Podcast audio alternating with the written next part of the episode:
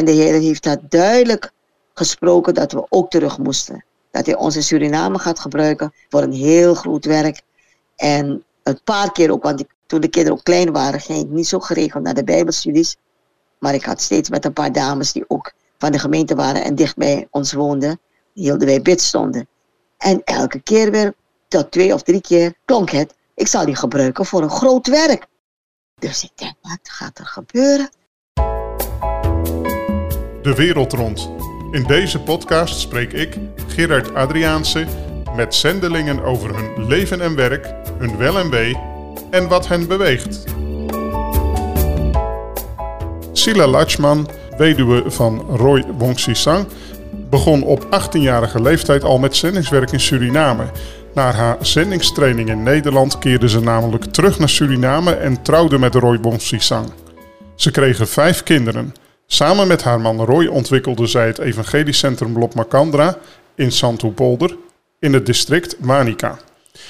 Sinds het overlijden van haar man Roy in 2011 leidt Sila samen met het pastorale team de gemeente op hun terrein die ook de naam Lop Macandra draagt. Lop Macandra, wat betekent heb elkaar lief, bestaat uit een kerkgebouw, een buurthuis en faciliteiten voor opvang en conferenties. Inmiddels hebben we contact met Sila vanuit Suriname. Dank u wel dat u mijn gast bent vandaag. Ja, het is mij een eer hoor en een voorrecht om te mogen deel hebben aan uw geweldige radioproductie De Wereld Rond. En ik doe met heel veel plezier mee aan de podcast uh, over ja, mijn uh, leven en mijn bediening. En hoe de Heer gewerkt heeft in mijn leven al die jaren dat ik in zijn dienst sta. Mooi, ja, Het gaat geweldig. verder heel goed met mij, Mhm. hoor. Heel goed met mij. Ik ben gezond en wel, godzijdank. En ik ben nog steeds eh 70 plus, eh, kun je zeggen. En heel actief Ja, in het dienst van de Heer in het, op het zendingsveld. ja, geweldig. Ja, ik ken u vanuit mijn tijd in Suriname, midden jaren 90. Toen was ik voor zes maanden bij Radio Shalom, waar ik stage liep. Maar om u beter te leren kennen en voor de luisteraar die u niet kent, wil ik graag met u teruggaan naar uw jonge jaren. Kunt u ons vertellen waar u geboren bent? Ja, ik ben geboren in de hoofdstad van Suriname, Paramaribo. In het straatje, Anniestraat, een klein straatje in het centrum van Paramaribo. Ja. Wat kunt u ons vertellen over uw jeugd? Ja, nou ja, heel veel eigenlijk, maar eh, we gaan het niet te lang maken. Mijn vader is een, van beroep banketbakker en ik kom uit een gezin van acht kinderen, zes jongens en twee meisjes. Ik ben het derde kind van mijn ouders. Die zijn er helaas niet meer, maar wij zijn eh, oorspronkelijk afkomstig uit de evangelische broedergemeente. Dus wij gingen regelmatig naar de kerk. En later, toen mijn vader zich radicaal bekeerde, ja, is het anders gelopen. Geweldig fijn, maar dat vertel ik straks wel. Uit een groot gezin kwam mijn vader, we hadden het niet zo breed. Maar mijn vader was een goede banketbakker. Ja. En later werd hij zelf chef banketbakker. Hij was een van de beste. Ik, ik wil niet opscheppen hoor. Maar mijn vader maakte de lekkerste taarten van heel Suriname. Fantastisch. Als hij bij officiële en speciale gelegenheden moest hij van de overheid moest hij de taarten bakken. Geweldig. Ik kan me nog herinneren toen, eh, ze was toen, eh, ja, eh, koningin ja, Juliana was op visite in Suriname en er moest een receptie worden gehouden, weet je wel, met de hoge pieten, de ministers, president, gouverneur was het toen. Ja, en toen moest mijn vader bakken, hè? Ja, Want ze zeggen, als meneer Latschman niet gaat bakken, dan je wordt het een probleem. ja, ja. En ja. zo heeft mijn vader zijn leven lang vanaf jongeman gewerkt in de banketbakkerij. Later werd hij baas van daar. En eh, ja, hij verdiende niet zo slecht. Hij heeft zelf een eigen huis gebouwd, waar het heel gezin in kon. Heel ruim, groot huis heeft hij gebouwd. Ja. En eh, Ja. nou, om, te, om eerlijk te zijn, ik heb een hele goede jeugd gehad hoor. ja. Er was altijd veel gezelligheid in huis. Vooral na het eten, s'avonds gingen we altijd gezellig babbelen met elkaar. We hadden nog geen tv. Dus we deden soms spelletjes met elkaar. En maakten grapjes en zo. Ik vond het best leuk hoor. En smiddags gingen we lekker Jules spelen, heette dat. Dat is zo'n eh, een leuk eh, spel met twee partijen. En je had toen ook jumpervoetu, dat betekent je maakt een kruis zo. En met vakjes. En dan moest je een steentje gooien erin. En dan proberen met één been te hinken pinken. En zo de steen te verschuiven tot het in het midden kwam. Dus ehm, ja, het was heel prettig. Ik kan niet zeggen dat ik een nare jeugd heb gehad Nee, hoor. nee. Ja, ik kan me dat ook nog wel herinneren uit de jaren zeventig. Dat eh, op het schoolplein ook nog volop werd eh, touwtje gesprongen. En eh, ook Ja, van die hinkelbanen. Maar ja. ik, ik weet niet hoe dat nu tegenwoordig is. Ik heb gewoon gehoord dat het allemaal... Nou, ik, wat ik minder zou is, zelf schijnt. Mhm. zeggen, het is helaas zo dat ook hier heeft de smartphone en de social media het overgenomen. En nu is het alleen maar games, games en nogmaals games. Ja. Nou, het, mooi, het mooie daarvan is wel dat ik nu zo En met u kan spreken. Want ik, ik kan nu zo met u spreken, maar dat kon vroeger natuurlijk ook niet. Dus dat is dan wel een voordeel. Ja, wat, wat, Ja, wat zou u zeggen, wat heeft u van uw ouders meegekregen? Ja, nou, eh, hun eh, toewijding aan de heren. Want mijn vader die is tijdens de grote opwekking in 1961, toen waren wij nog vrij jong, is hij tot geloof gekomen. Hoe is hij tot geloof gekomen? Omdat mijn moeder had een stroom aan haar keel. En eh, dat moest geopereerd worden, moest eh, weggehaald worden. Dat was zo'n gezwel, hè? Dat zo groeide eh, binnen haar keel. En de arts zei, nu moeten we hem verwijderen, want anders gaat u stikken. Want ze kon s'avonds al niet goed slapen. Dus ze kreeg een opnamebriefje Oh, voor de ja. operatie enzovoort. En, maar ze was een beetje angstig erover, omdat ja, de jongste was pas vier jaar oud. En ze zag er echt tegenop om op de operatietafel te gaan. Want mocht er wat fout gaan, dan is het, was zo, dus ze er niet meer zijn. Hmm. Dus ze bleef maar dralen. En een buurvrouw, via een buurvrouw hoorde zij van deze opwekkingssamenkomst, geleid door evangelist Karel Hoekendijk. En de buurvrouw zei, ga er naartoe. Hij bidt ook voor zieken. Toen zei ze, oh, is er ook gebed voor zieken? Toen zei ze, goed. En zij is toen met die buurvrouw meegeweest en, eh, en er is voor haar gebeden. En het eerste moment toen ze thuis kwam, was er niks zichtbaar, dat het weg was of zo. En mijn vader zei, zo, je bent naar die kwakzalver zeker geweest, hè? Dat is allemaal hypnose hoor. Ik geloof er niks van en zo. Maar na vier- drie, vier dagen, het ge- gezwel werd steeds minder en minder en minder. En na vier dagen was het volledig weg. Ze is nooit meer geopereerd geworden. Ze liep maar met haar opnamebrief in de hand. Ze zei, kijk, kijk, ik moest geopereerd worden, hè. Maar ik ben helemaal genezen. Prijs en de dat heeft Ja, zeer aangesproken. Mm. Want hij had, je weet, hij heeft al van jongs af aan heel zwaar gewerkt. Vooral in de bakkerij. Als je leerlingbakker wa- was, nou, dan had je het zwaar. Want dan moest je al die platen wassen. Alle eh, ja, zware dingen moest je sjouwen en zo. Zakken met blom en al die dingen. Dus hij had heel zwaar gewerkt. Dus toen hij dus naar de dokter ging vanwege zijn vreselijke kniepijn. En toen zei de dokter, meneer, er valt niets meer aan te doen bij jou. Je knieën zijn totaal versleten en liefst allebei.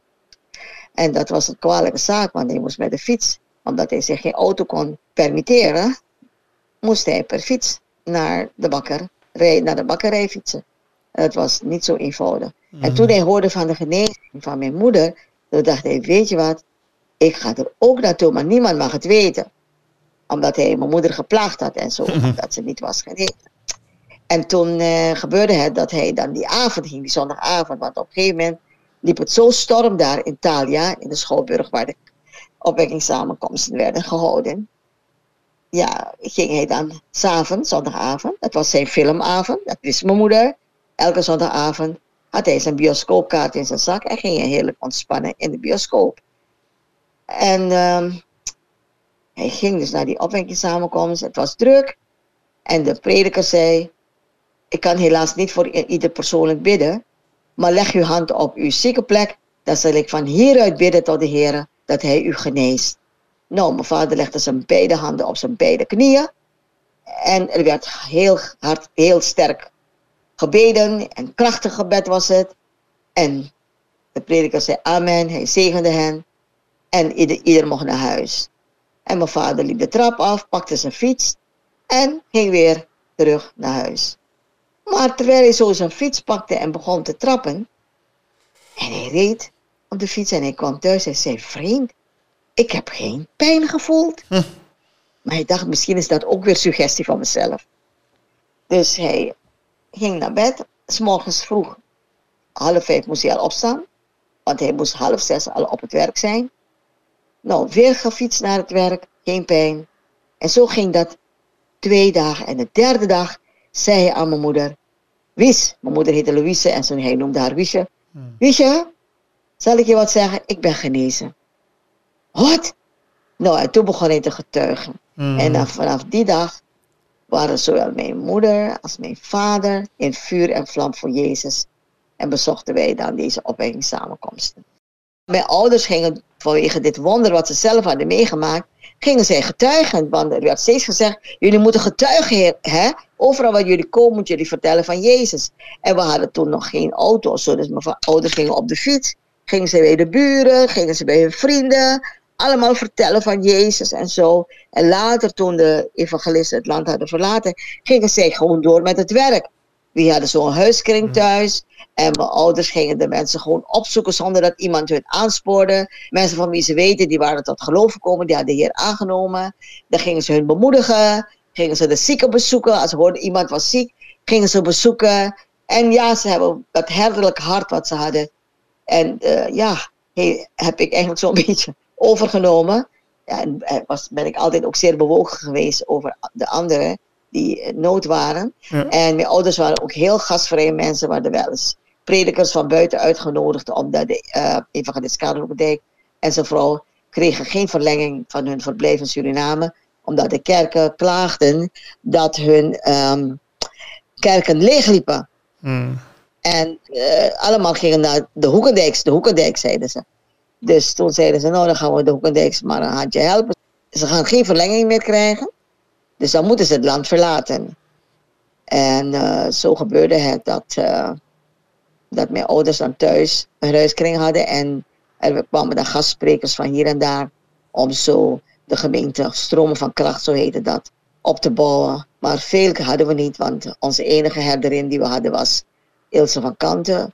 Ook een, dus was al jaren geleden wedergeboren en ze was ook op wonderbare wijze genezen. En zij en haar man leidden toen de gemeente, maar ze waren geen predikers. Ze brachten wel op de boodschap, zoals het hoorde, maar niet eh, zoals wij dat gewend waren. Dus twee jaar lang hebben wij via cassettebandjes de volle boodschap gekregen van Karel Hoekendijk en zijn zoon Frans Hoekendijk. Ja. En daarna kwamen er ook wat predikers van hier en daar. Want we kregen wat meer bekendheid, stromen van kracht. En dan kwamen predikers vooral uit Guyana om ons op te bouwen. Dus mijn vader die was heel gastvrij. Die eh, nam deze op in huis en nodigde ze uit om te eten.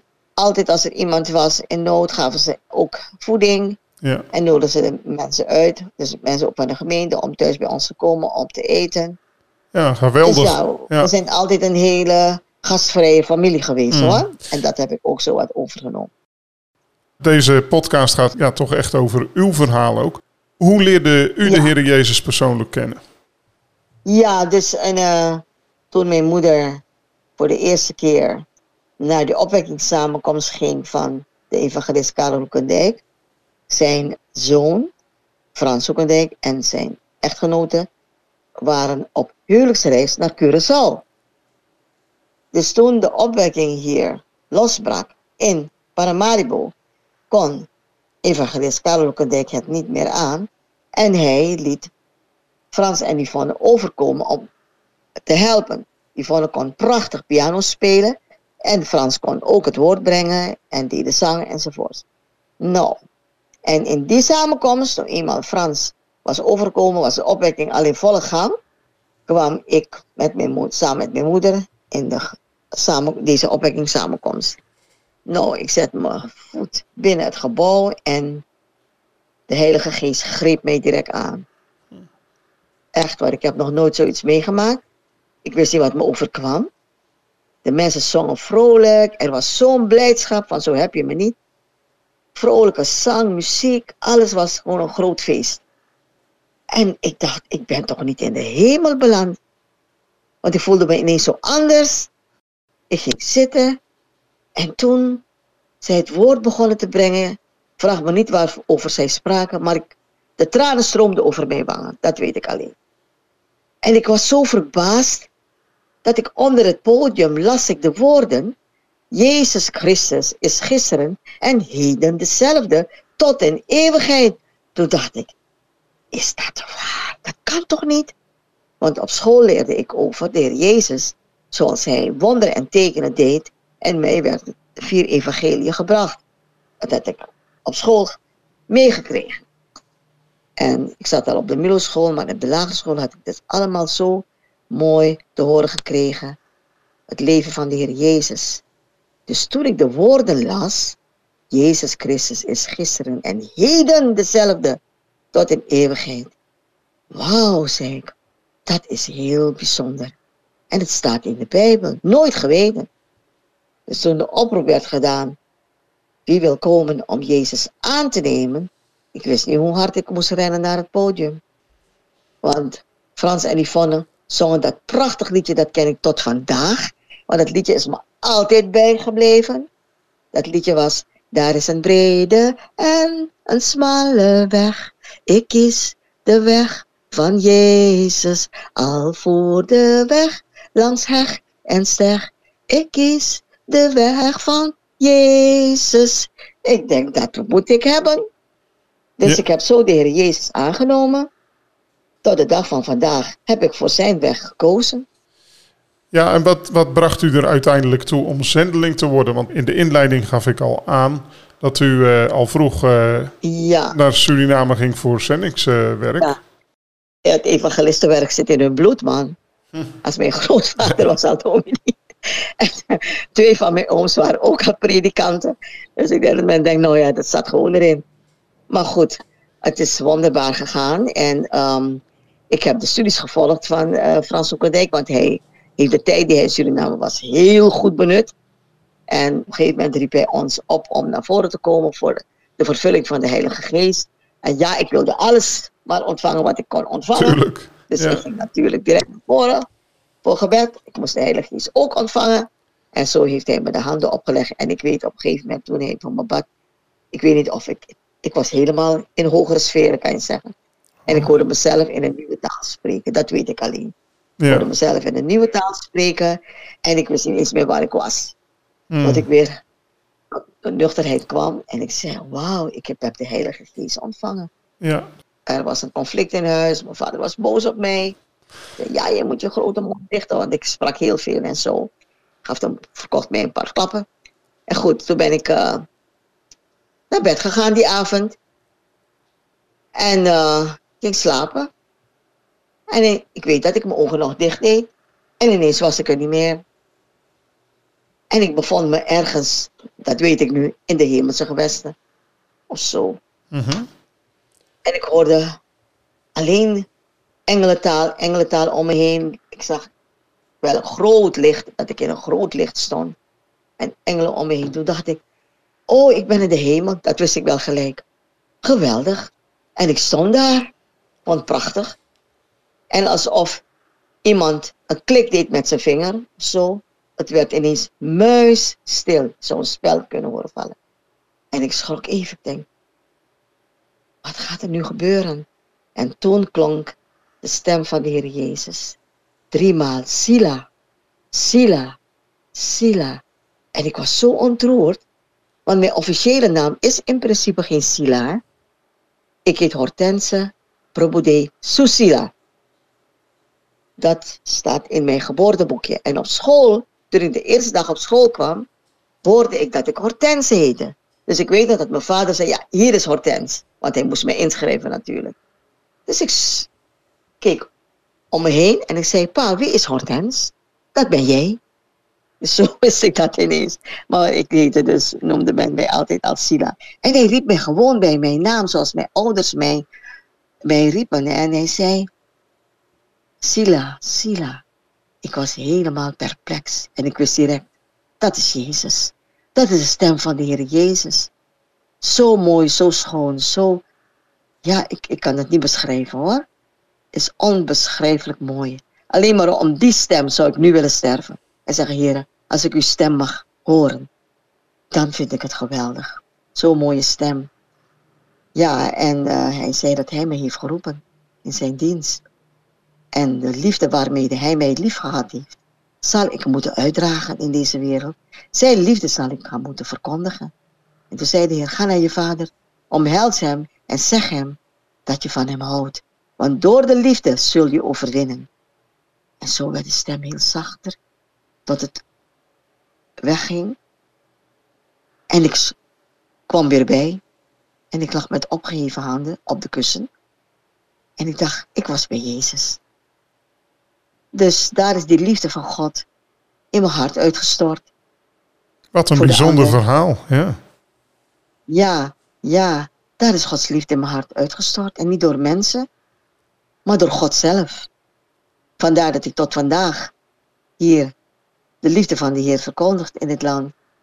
En uh, de stichting heet daarom ook Loop Makander. Ik weet nog, toen we dit werk begonnen, met de opzet van een evangelisch centrum, toen gaven we de mensen giften. Toen zeiden mijn man en ik, dan moeten we de stichting opzetten, want het geld is niet van ons. Ja, toen gingen we naar de notaris en mijn man zei, begin een naam te bedenken. Dat als we daar komen, dat die goede man weet hoe, hoe die stichting gaat noemen. Mhm. Dus ik in gebed, ik zeg, Heer God, hoe moet ik die stichting noemen, want het is uw werk. En toen klonk duidelijk in mijn hart, u weet het toch. Heb elkaar lief.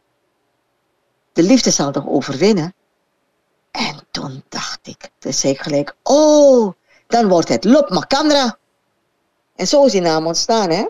Ja, en tot de dag van vandaag. Lop Macandra ja. ontstaan. Mm. Het is door God zelf geleid geworden, dit alles.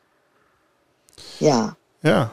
En toen mijn ouders naar Guyana gingen om nader kennis te maken met uh, evangeliste Hoekendijk, omdat hij uh, had beloofd de stichting weer op te richten, Stroom van Kracht, hebben wij daar studies gehad. En ik weet dat, mijn, dat Karel Hoekendijk naar mijn vader ging en zei, die dochter van jou, Sila, heeft een roeping.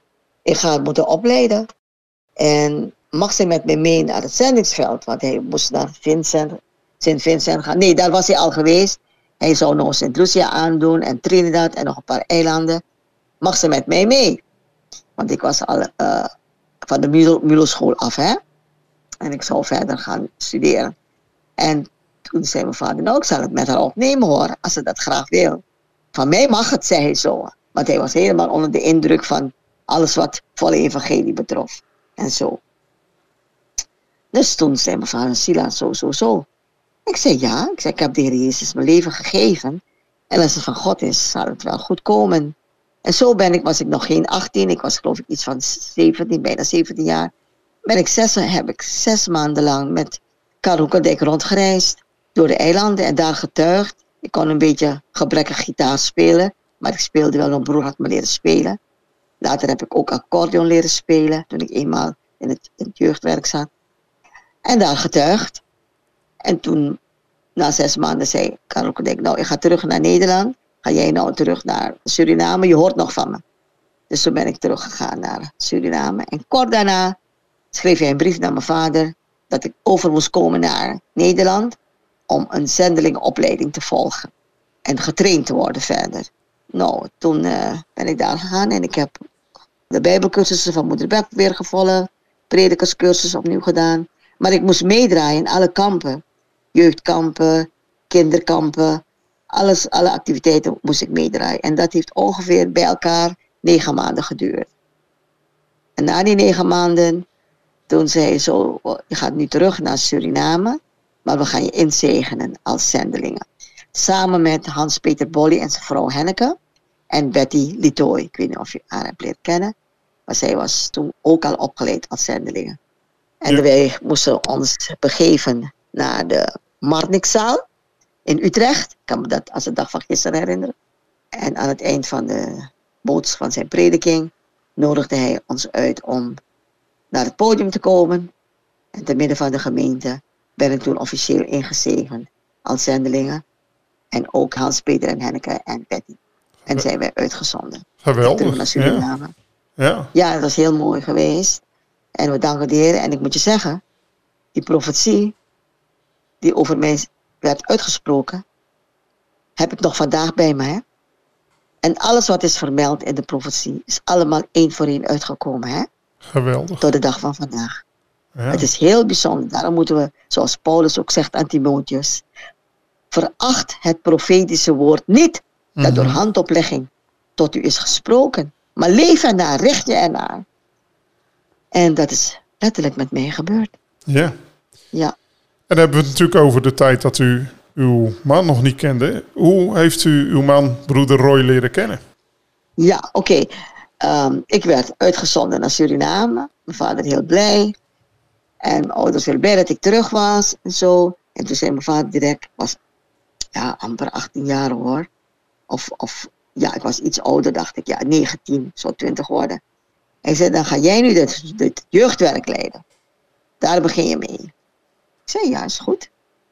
En zo begonnen we met de jongeren in de gemeente. En ik gaf elke week dan ook studies. En ook anderen gaven studies voor de jongeren. Het was een leuk, gezellig.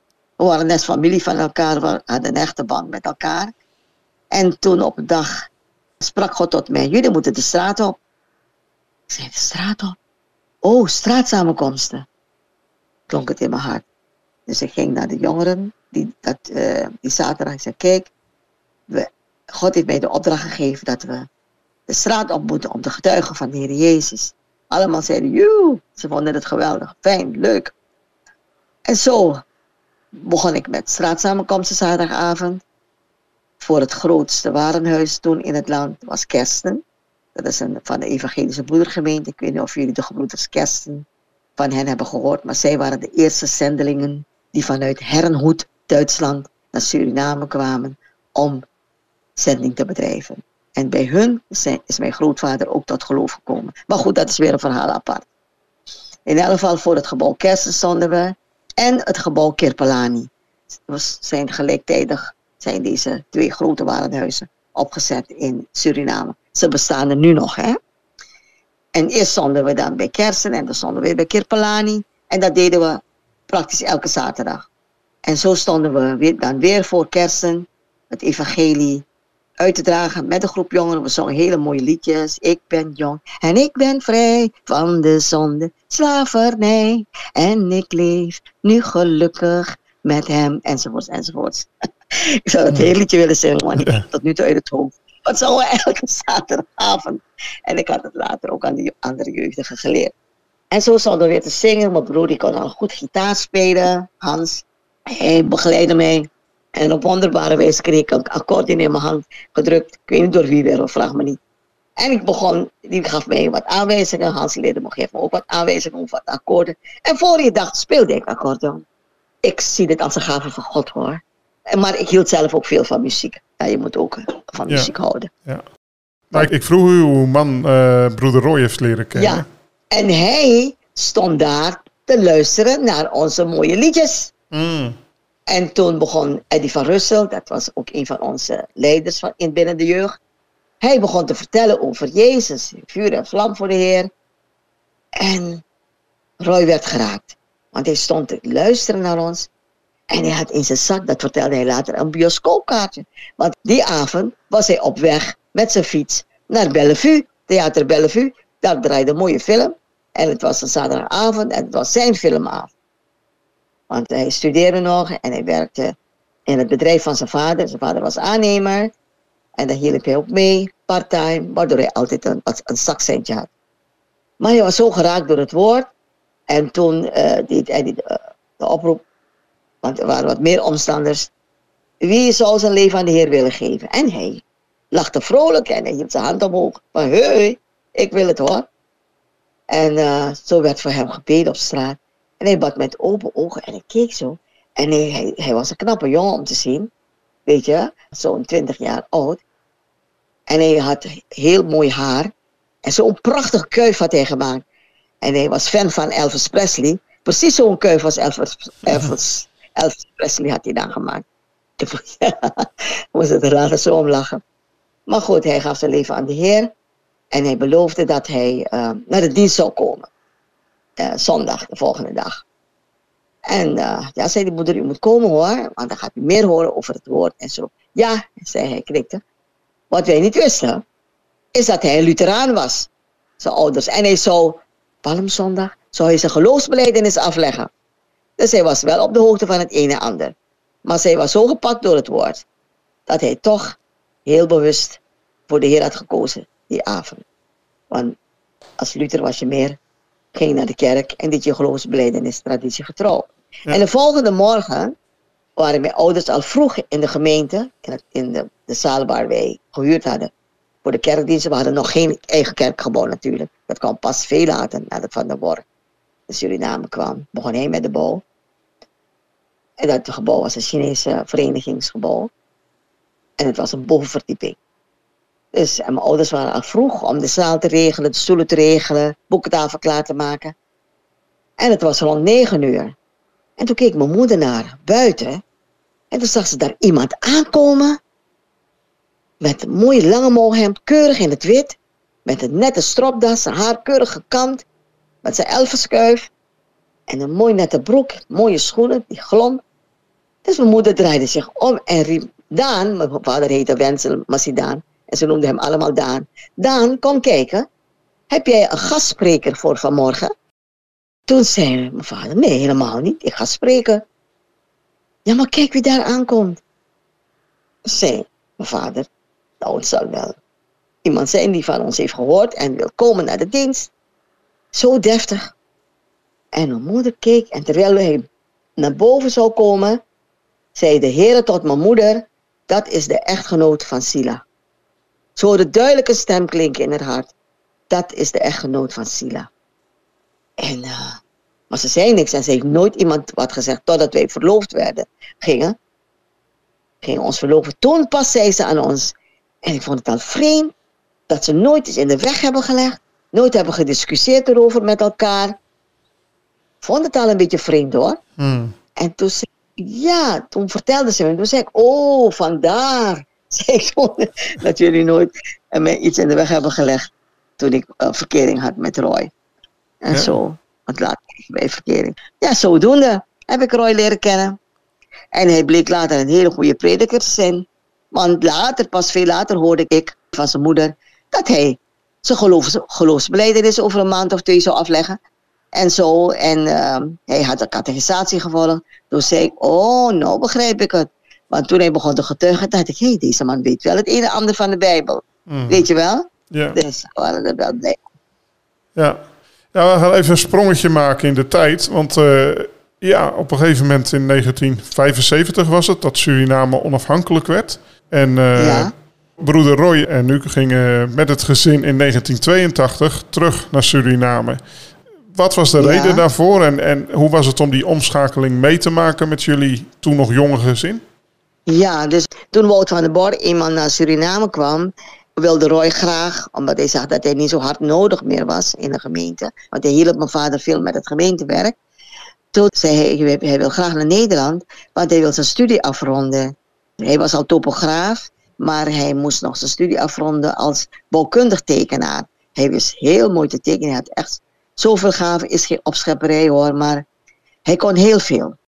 We zijn dus aangekomen in Nederland en heeft gelijk uh, moest hij werk zoeken. Want zijn studie was uh, part-time. Ging dat s'avonds volgen. En heeft het ook trouwens alles gehaald hoor. Ook tuinbouw had hij gedaan. Heeft hij ook gehaald. Tuinbouwschool. En um, hij werkte bij een architectenbureau. Eerst twee jaren. Maar die man was, kerel die was niet zo eerlijk. En dat had hij een paar keer ontdekt. Dus toen is hij gaan solliciteren naar een ander bedrijf. Toen kwam hij terecht bij uh, Kuiper Compagnons in Rotterdam. En daar heeft hij tien jaar lang gewerkt als, in de, als tekenaar in een stedenbouwkundig uh, bedrijf. Ja, Kuiper Compagnons. Ja, en toen uiteindelijk dus terug naar Suriname. En toen moesten wij terug, want uh, er was een buurvrouw naast ons komen wonen en haar man die zei, ik ga terug. Hoor. Die waren ook Surinamers, maar ze waren van die blanke kolonisten, hè? Mhm. Die in Suriname uh, waren aangekomen. En hij was daar geboren en getogen. Hij zei, ik wil niet meer hier blijven hoor, ik ga terug. En zo uh, heeft hij ook Roy gestimuleerd en we zijn ervoor gaan bidden. En de Heer heeft dat duidelijk gesproken dat we ook terug moesten. Dat hij ons in Suriname gaat gebruiken voor een heel groot werk. En een paar keer ook, want ik toen de kinderen ook klein waren, ging ik niet zo geregeld naar de Bijbelstudies. Maar ik had steeds met een paar dames die ook van de gemeente waren en dicht bij ons woonden, hielden wij bidstonden. En elke keer weer, tot twee of drie keer, klonk het, ik zal die gebruiken voor een groot werk. Mm. Dus ik denk, wat gaat er gebeuren? En tot mijzelf had hij dat gesproken, ook in de gemeente zelf hoor. toen ik daar kwam. Enfin, dat is ook weer een verhaal apart, maar het is ook allemaal wonderbaar hoor, in één woord. En zo wist ik dat wij naar Suriname moesten. Maar het was precies rond die tijd dat die militaire coup was gepleegd in Suriname. 1980 was die coup gepleegd, die militaire coup door meneer Bouterse en zijn manschappen. Dus vrienden van ons die ook vanuit Suriname kwamen, die zeggen, jullie zijn niet lekker.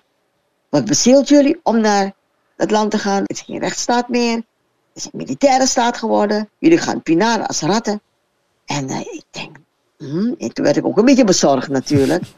Ik denk, oh heer, wat gaat er gebeuren met ons? Nou, toen zei de Heer God, ik ga je tonen, letterlijk zo klonken de woorden, ik zal je tonen dat ik voor jullie ga zorgen. En je zal aan niets gebrek hebben. Je zal zoveel hebben dat je het niet voor jezelf kan houden. Je gaat moeten uitdelen. Mm. Echt waar. Het was duidelijk een roeping van God. Toen zei ik, Heere God, u gaat het bevestigen. En ik was die avond in de bidstond. En voor al je leven was daar een broeder. Die zei, de Heer toont mij een beeld van Sila. Ik zie haar met een zaadbuidel om haar nek. En ik zie haar strooien. Ze stopt haar hand in de zaadbuidel en ze strooit. Ik ben het beeld nooit meer vergeten. En, maar wat zie ik? Wat strooit ze? Ze strooit geen zaad. Maar ze, ik zie haar geld strooien. Muntjes. Mhm. Zaad, geld. Dus ik schrok. Ik denk, oh, dat kan toch niet. Die mensen gaan denken dat ik miljonair geworden in Suriname. Het was, en ik zei alleen amen. En ik heb mijn hoofd gebogen. Ik zei dank u heer, amen. En kort daarna werden we dan uitgezegend. En ja hoor, en toen gingen we naar Suriname. Ja, zo zijn we dan hier terechtgekomen. En, uh, en, en ik had eh, Roy, ja natuurlijk, je, je bent een beetje nuchter. We waren ook een beetje nuchtere Nederlanders geworden. Mhm. Dus Roy is toen uh, in 1981, nadat we een beetje zo besloten hadden, ja laten we maar teruggaan. Is Roy voordat we vertrokken, 1981 naar Suriname gekomen voor een oriëntatiebezoek. Daar hebben we gezegd, Roy luister, als je een vaste baan vindt, en de Heer gaat voorzien in de middelen, want we waren gewoon gezin. Ik werkte niet, Roy alleen. En we hadden een huis gekocht. En we moesten elke maand zoveel aflossen, hypotheekaflossing doen. Dus we hadden weinig geld over om te gaan sparen voor tickets voor zoveel mensen. Ik had nog intussen vier kinderen. Mm Eerst twee meisjes en, en, en later uh, drie kinderen zijn dan geboren in Nederland. Nou, dus toen, uh, nou ja, na meer dan twaalf jaar gewoond hebben daar. Kwam hij in Suriname. En hij kreeg een baan van meneer Boutersen. En hij bracht al zijn diploma's en zijn papieren mee. Toen zei meneer Boutersen aan Roy, jou hebben we hier nodig. Jij wordt door ons als aangetrokken kracht aangenomen. Dat betekent dat wij jouw ticket betalen.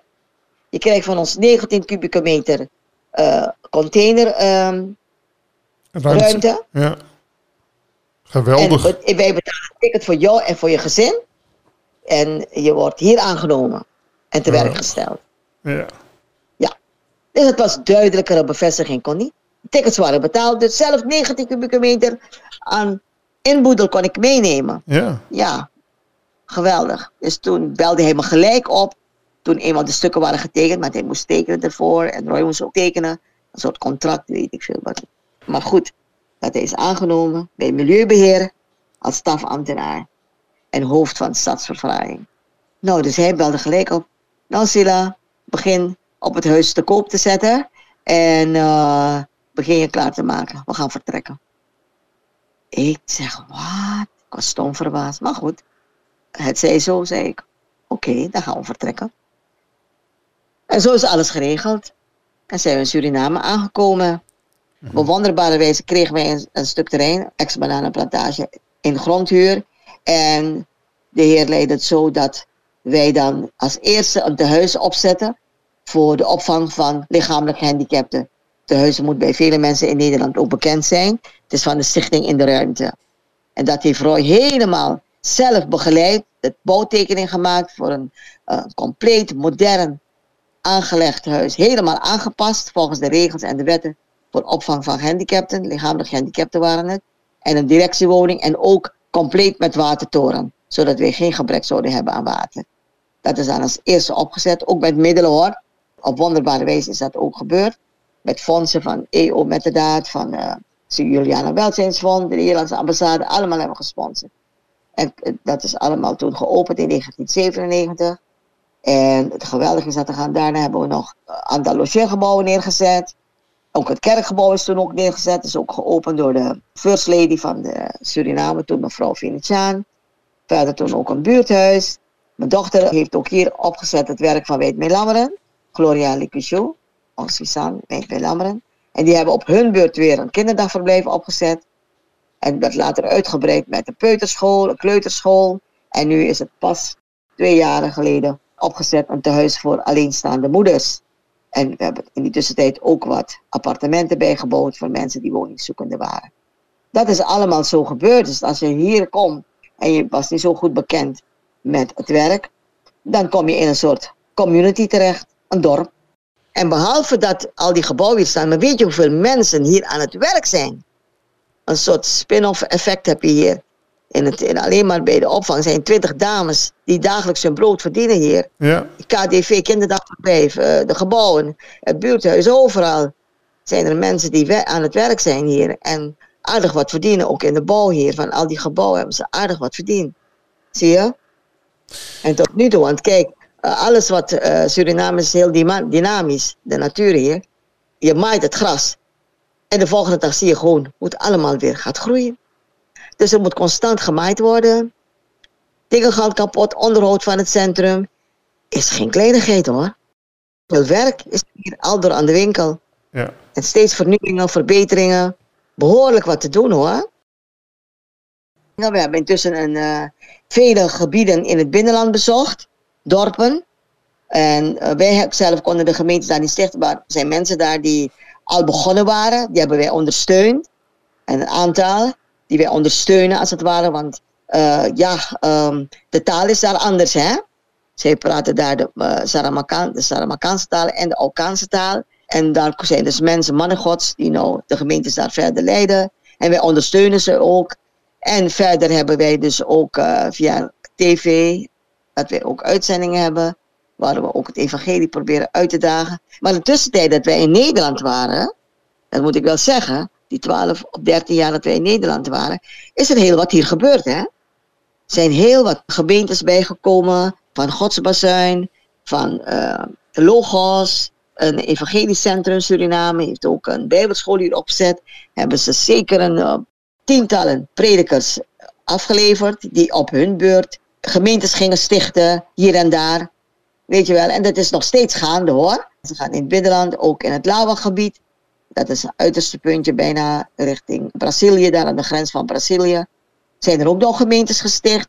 Dus eigenlijk over het hele land, alle districten, zijn er nou evangelische gemeenten hoor. Wij gaan ook van Nikeri, waar we ook uh, de mensen daar onderricht geven, studies verzorgen. En we hebben ook een trainingszaal in de stad waar ook trainingen worden gegeven. Ja, dus uh, er is hier genoeg te doen. Hoe zou u het leven in Suriname willen omschrijven voor Nederlanders die er nooit geweest zijn? Wat, wat zijn een paar duidelijke verschillen met Nederland? Nou, nou, het verschil is in de taal alvast, maar ook in de cultuur. Hè? Het is een heel ander soort cultuur hier. Uh, iemand, uh, uh, een Surinamer, die al ge eigenlijk geboren en getogen is in Nederland, vanwege zijn ouders die emigreerden naar Nederland, die kwam hier een beetje zijn jaardag vieren, zijn biggie heet dat. Hij werd zo 40 worden. En dat is nou een van de dingen. En hij organiseerde een lekker etentje. En tot zijn grote verbazing, nadat iedereen zijn buikje rond had gegeten, stonden ze op. Zo, goeie avond verder. We gaan er vandoor. Hm. Dus bij Suriname is het eten voor hun heel belangrijk. En dat niet alleen, want ze hadden allemaal een portie bakje bij zich. En die ze ook gingen vullen. Hm. Dat, dat soort dingen, dat is heel apart voor, Suriname, voor, voor, de Nederlanders, die kennen dat niet, hè, natuurlijk. En zo. En ook uh, de taal is ook uh, aparte taal, wat ze, wat ze ook op voorbereid moeten zijn. Uh, dat is uit de slavernij voortgekomen. Dat is de taal die wij noemen Sranantong, de Surinaamse taal, ontstaan ja. in de slavernij. En dat is een verkapte vorm van, ja, Nederlands, Engels, Spaans, Frans. Hé, hey, mengelmoes. Ja. Alles bij elkaar. En dat heet Sranantongo. En dat praat vrijwel iedereen op straat. Op straat ga je zelden horen iemand zeggen: Hoe gaat het? Nee, je hoort Fawaka. Waigo. Weet je wel. How you making? Hoe gaat het met je? En zo. Zie je? Ja. En dat is de taal. En wat ze ook op voorbereid moeten zijn natuurlijk. Is dat je moet letten op je spullen en zo. Dat je ergens als je gaat logeren. Alsjeblieft niet in een gewoon in een huis zeggen. Zo, ik ga een eigen huisje ergens huren. Bam bam, ik ga daar gezellig zitten met mijn gezin of zo. Nou, je moet super voorzichtig zijn. Of een speciale wachter voor de deur zetten hoor. Dus daarom ga liever in een resort waarvan je weet, daar is bewaking. Dat zou ik ze allemaal één voor één willen adviseren. De security service hier verdient dik geld aan de bewaking. Mhm. Ja, dus dat moeten ze ook uh, ja, van op de hoogte zijn. En de muskieten natuurlijk. Die zijn er overal. muskieten. En wat, het, maar wat wel mooi is, en eh, de natuur is prachtig hier. Ik ken een Hollander hier, een natuurmens. Wat ik nooit had gedurfd. Die is gewoon met een wurgslang zo op zijn schouder een foto aan het maken. Ik zei, ben je nog helemaal niet goed? Want die wurgslang had hij bij ons verderop gevonden. Ja, ja, ja. Nee, zegt hij, ik vind het een prachtig beest. En toen zei ik, wij maken hem direct dood. Hij zei, nee, nee, nee, niemand gaat dit beest doodmaken. Heeft hem in zijn kofferbak gestopt en weggereden. Om ergens anders uh, te werpen in het water. Ja, en uh, dus de natuur is hier heel mooi. De vlinders en vooral de watervallen zijn prachtig. Stroomversnellingen in het binnenland. Ja, als je het enigszins kan permitteren. Nu is het vreselijk duur geworden om naar het binnenland te gaan. Maar voor, voor jullie die euro's hebben is het niet zo duur. Maar dan zou je toch wel een kijkje moeten nemen in het binnenland hoor. Ja. En weet je wat zo mooi is? Je kan er niet zomaar met een boot naartoe hè. Mm. Met een hele comfortabele boot. Niks ervan. Dat, dat lukt nooit van zijn leven.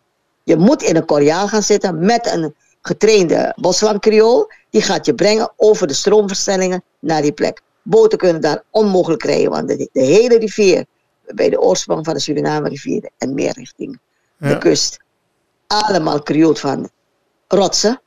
Hoge bergen zijn er, rotsen, maar het is ook zo mooi. Ja. En dan door de stroomversnellingen kom je in de leukste dorpjes, ziet watervallen, en lekker in, het wa in de watervallen.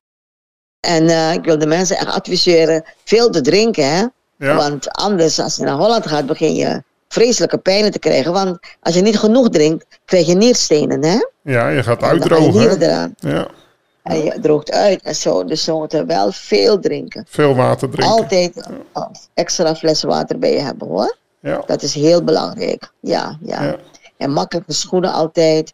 Ja. Mooie stevige sandalen, waar je lekker op kan lopen. Ja, ik, uh, ik, ik wil eigenlijk nog wel even met u terug ook naar uh, waar we het eigenlijk over hebben, natuurlijk uw, uw zendingswerk. Um, als u zo ja. terugkijkt op uw leven, heeft u dan een voorbeeld waarin u Gods steun in een moeilijke situatie op een bijzondere manier ervaren heeft? Oh mijn gunst, dan ga ik een boek moeten schrijven. het is veel. Maar springt er niet iets uit of zo? Heeft u niet één voorbeeld? Nou, uh, ja, bijvoorbeeld eh, was een tijd uh, dat het in Suriname alles was gebrek. Er uh, was geen uien, was geen aardappelen. Ja, de tijd van Bouterse. Nederland had gezegd, we stoppen onmiddellijk alle ontwikkelingshulp. Weet je, gelden hè? Ja. Gelden wel. Ja.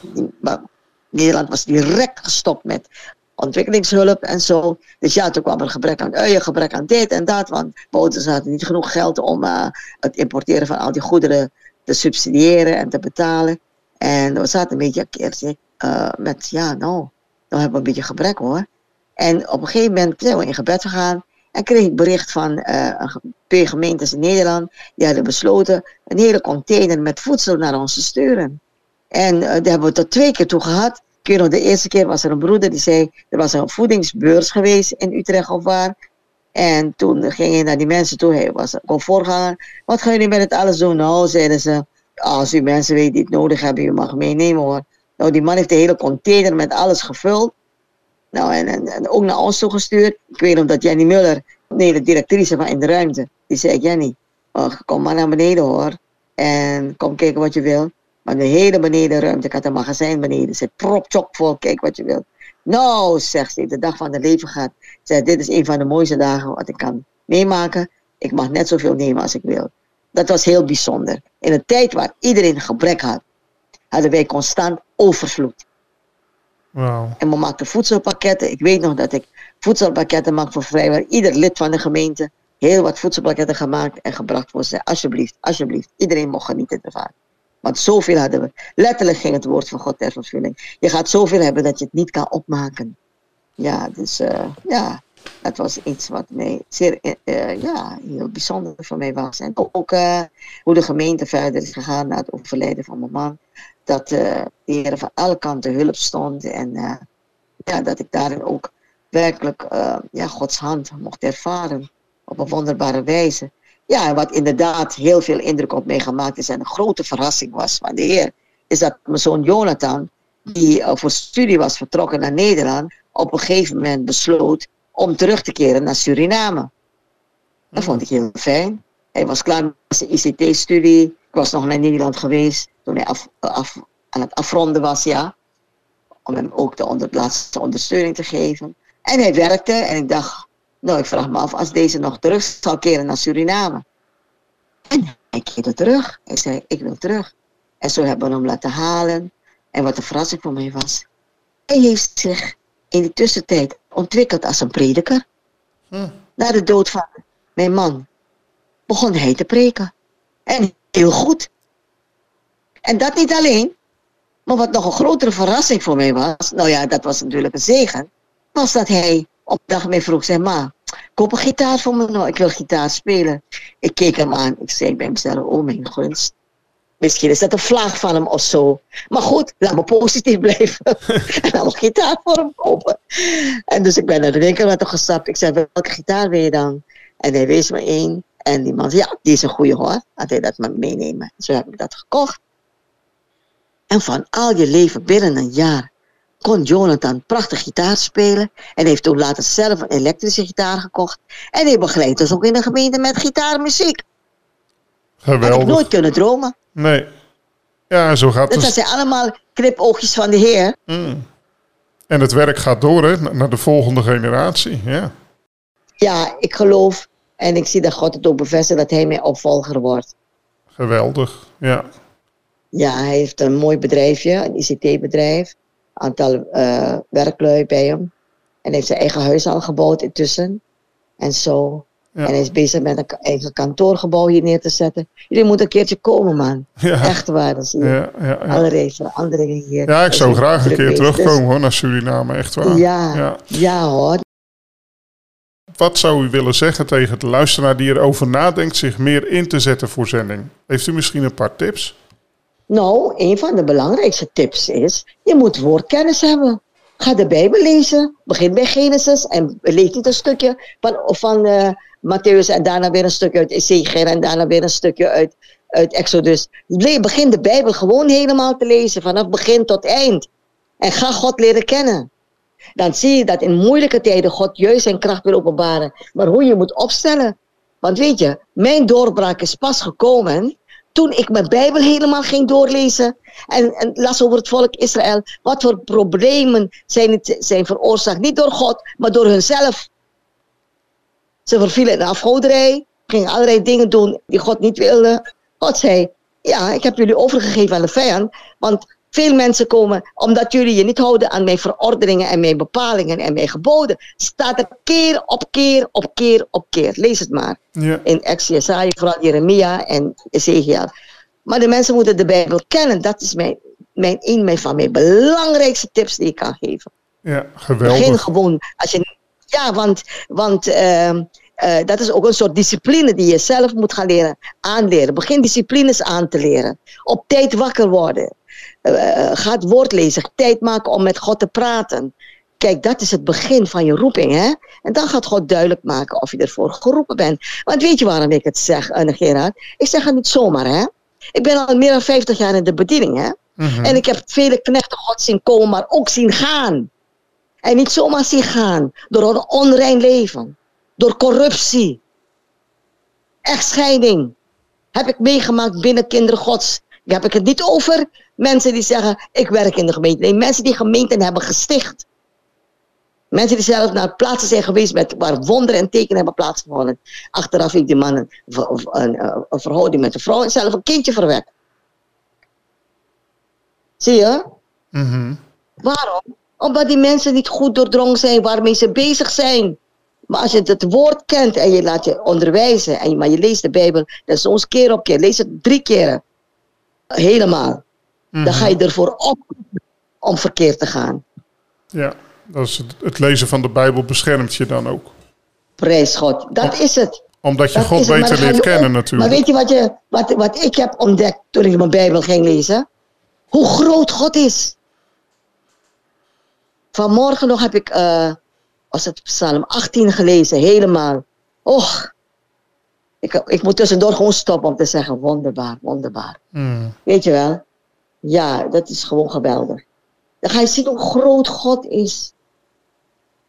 En dan ga je ook naar hem hongeren en naar hem verlangen. Maar Ja. veel mensen denken, ah, ik heb de Bijbelschool doorlopen, ik ben ingezegend. Ja, ik ben nou de zendeling. Mijn gunst, hou op man. Je weet niet wat je tegenkomt. Ja, Ja, het is echt waar hoor. Ja. Ja, dat is een van de belangrijke tips. En natuurlijk moet je eh, zeker zijn eh, van je relatie met de Heer. En zeker zijn dat God tot je gesproken heeft. En je moet het, het moet ook bevestigd worden. Hè? ja, dat is ook heel belangrijk. Want als je in jouw eigen gemeente vies bent om een beetje de zaal te vegen. Als er gegeten is of als er een feest is of wat. En je bent, eh, je bent te lui om bepaalde dingen te doen die gevraagd worden vanuit het podium. Dan moet je niet in de zending gaan hoor. Want dan ben je al afgewezen. Ja. Voor je bent begonnen. Dan mag je een bijkennis hebben, van hier tot ginder. Maar dat wil nog niet zeggen dat je klaar bent om zending te bedrijven. Want ik heb drie dingen geleerd hè, in, in met, op de Bijbelschool. Ik heb ook Bijbelschool doorlopen. Voordat ik werd ingezegend als voorganger in Lopmakandra. Heb ik mijn Bijbelschool afgemaakt eerst. En ik heb geleerd, het gaat om kennis, kunde en karakter. Deze drie dingen moet je steeds bezig, moet je steeds bezighouden. Je kennis steeds studeren. Je bent nooit afgestudeerd als het ware. Je moet steeds blijven leren, blijven luisteren naar de Heilige Geest. Blijven oefenen en trainen. En ten tweede, kunde. Je moet ook bekwaam zijn. Je moet eh, dingen durven ondernemen, besluitvaardig zijn. Je moet ook iets kunnen, weet je, in staat zijn te doen. Weet je? En het derde is het belangrijkste eigenlijk, je karakter. Als je niet hebt geleerd om nederig en zachtmoedig te zijn, begin niet aan zending te denken. Laat staan te gaan doen. Ik heb weet je veel vernederingen we vaak hier hebben meegemaakt. En dan zit je te, het enige wat ik doe is alleen maar huilen. Dat ik uitgehuild ben. Dan zeg ik, oké, dan gaan we weer verder. Klaar. Weet je? En Ja. zo. Zo heb ik vaak meegemaakt, een paar keren. Dan zeg ik zo, dan ben je uitgehuild, ga nog verder. Nou, Ja. dan pak je weer de draad op en dan ga je gewoon weer door. Ja, dus dat is het belangrijk, eh, en misschien wel het belangrijkste karakter om toch gewoon door te gaan, om het eh, terug te geven aan God, die teleurstelling, en dan door te gaan. Amen, amen. En Ja. dat heb ik moeten leren. Het is zomaar uit de grond gekomen. Mhm. Weet je hoeveel tranen hier hebben gevloeid? Terwijl iedereen lekker ligt te slapen, zit ik achter mijn computer soms om twee uur in de ochtend projecten te schrijven, brieven te schrijven, sponsoren te zoeken, weet je, en zo. Begrijp je? Het is niet zomaar van de lijn dakje gegaan hoor. Dus als iemand zendeling wil worden, laten ze een babbeltje met me maken hoor. Mhm. ik denk dat ze toch wel drie keer gaan nadenken hoor. Ja. Mhm. Nederlanders zeggen, de ervaring is de beste leermeester. Nou, door die ervaringen ben ik echt, laat me zeggen, ook gevormd geworden. Wat voor mensen zijn er nodig als we het hebben over zending en ontwikkelingswerk in Suriname? Nou, je hebt sowieso capabele mensen nodig hoor. Mensen die hun handen uit de mouw willen steken, maar ook mensen die eh, gedisciplineerd zijn, hè, maar ook iets hebben geleerd, een vak. Vakmannen hebben we nodig, heel hard nodig. Ja. op het gebied van, eh, van de bouw. Vaklui, want nou is het zo moeilijk en eh, het land is zo groot en wijd. Je kan van alles neerzetten hier, maar je moet het ook aankunnen. Pas is nou een prediker weer begonnen om een gewone opvanghuis te bouwen, omdat eh, zo'n grote woningnood is. Weet je, enorme woningnood. Dus vaklui, mensen die iets weten ook eh, wat betreft eh, onderhoud, onderhoudsmannen. Als er een kraan kapot gaat, hoef je niet iemand te bellen, kom die kraan voor maken. Want je moet zelf ook veel kunnen doen. Je moet ook zelf kunnen schilderen en weet je, en ook technisch zijn. Laten ze een monteurstudie volgen. Bijvoorbeeld, zeg jij maar wat voor studie, ik ben een theoloog, maar ik wil iets erna doen. Begin, ga even een cursus monteur volgen. Hoe- Als mijn auto defect is of er is wat mis, hoef ik niet razend weer te gaan bellen hier en daar en ginder. Mijn rem doet het niet, kan iemand. Je moet zelf ook een beetje kunnen kijken, onder die auto kunnen duiken om te kijken. Hoe kan ik het zelf even repareren? Ja, Dat soort dingen zou ik mensen ook adviseren hoor. ja, Ga een monteurstraining volgen. Ja. Ga iets volgen van een meubelmakerij of, of iets dergelijks. Kan je alleen maar ten goede komen, Ja. weet je. En, en zo. En eh, ook de talen, ook als je naar een bepaald land gaat, zoals Suriname. Begin een boekje te kopen waar je Sarantong kan leren. Maak eh, vrienden met Surinamers en probeer Surinaams te leren. Ja. Ja, Dat is een afsluitend. hele pluspunten. Ja, Ah, ja. als, als laatste vraag heb ik hier. Hoe kunnen we voor u en het Surinaamse volk bidden? Nou, eh, hoe zou ik zeggen wat bidden betreft, dat we dat hier geen rassenstrijd zal plaatsvinden. Dat is een van de belangrijke punten nu.